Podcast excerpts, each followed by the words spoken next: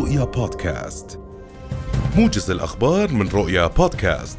تتأثر المملكة اليوم بمنخفض جوي مصنف من الدرجة الثانية مترافق مع كتلة هوائية شديدة البرودة وقطبية المنشأ بحيث يطرأ انخفاض على درجات الحرارة لتصبح أدنى من معدلاتها السنوية المعتادة بحوالي عشر درجات مئوية. مدير العمليات في موقع طقس العرب أسامة الطريفي قال لرؤية إن الأجواء الماطرة تستمر خلال ساعات نهار اليوم وتكون غزيرة في بعض الأوقات مع تساقط البرد. وبين الطريفي أنه في ساعات المساء تتراجع شدة الهطولات المطرية كما يتراجع نشاط الرياح بشكل لافت. لكن يحدث انخفاض إضافي على درجات الحرارة ليصبح الطقس شديد البرودة في المملكة. نقل مراسل رؤيا عن شهود عن شهود عيان اليوم اندلاع حريق في إحدى الشقق المستخدمة كمستودع بمنطقة وسط البلد في العاصمة عمان.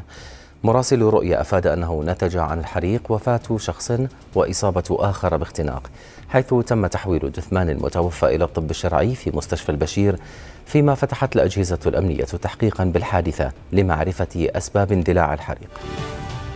أعلنت وزارة الخارجية وشؤون المغتربين وصول طائرة سلاح الجو الملكي الأردني الثالثة التي غادرت المملكة اليوم إلى مطار فريدريك شوبان في العاصمة البولندية وارسو لإجلاء نحو 75 مواطنا أردنيا وعائلاتهم.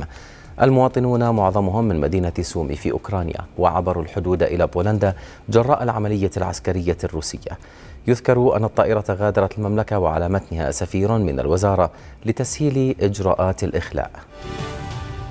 أمر الرئيس الروسي فلاديمير بوتين اليوم بتسهيل إرسال المتطوعين للقتال من الشرق الأوسط إلى أوكرانيا وذلك بعد أن أكد وزير الدفاع الروسي سيرجي شويغو أن 16 ألف متطوع من الشرق الأوسط مستعدون للقتال في منطقة دونباس الانفصالية في أوكرانيا.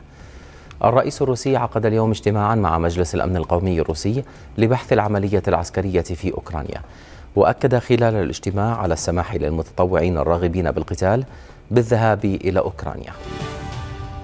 أعلنت إدارة موقع فيسبوك أنها لن تحذف أي منشورات معادية لجيش روسيا وقادتها. في استثناء للقواعد المتعلقة بحذر أي محتوى يدعو إلى العنف والبغض مؤكدة أنها ستسمح مؤقتا بانتهاك القواعد المتعلقة بالخطاب العنيف عبر موقعها.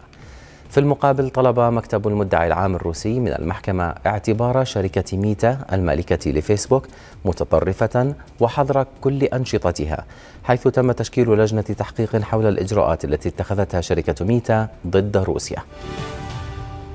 وصف رئيس الوزراء الصيني لي كاتشيانغ اليوم الوضع في أوكرانيا بأنه خطير عارضا مساعدة بكين للعب دور إيجابي من أجل السلام مع الاستمرار في رفض انتقاد روسيا. وقال تشيانغ للصحفيين أن الصين تدعم وتشجع كل الجهود التي تفضي إلى تسوية سلمية للأزمة مؤكدا أن الصين لا تزال تعارض العقوبات لأنها تضر بتعافي الاقتصاد العالمي.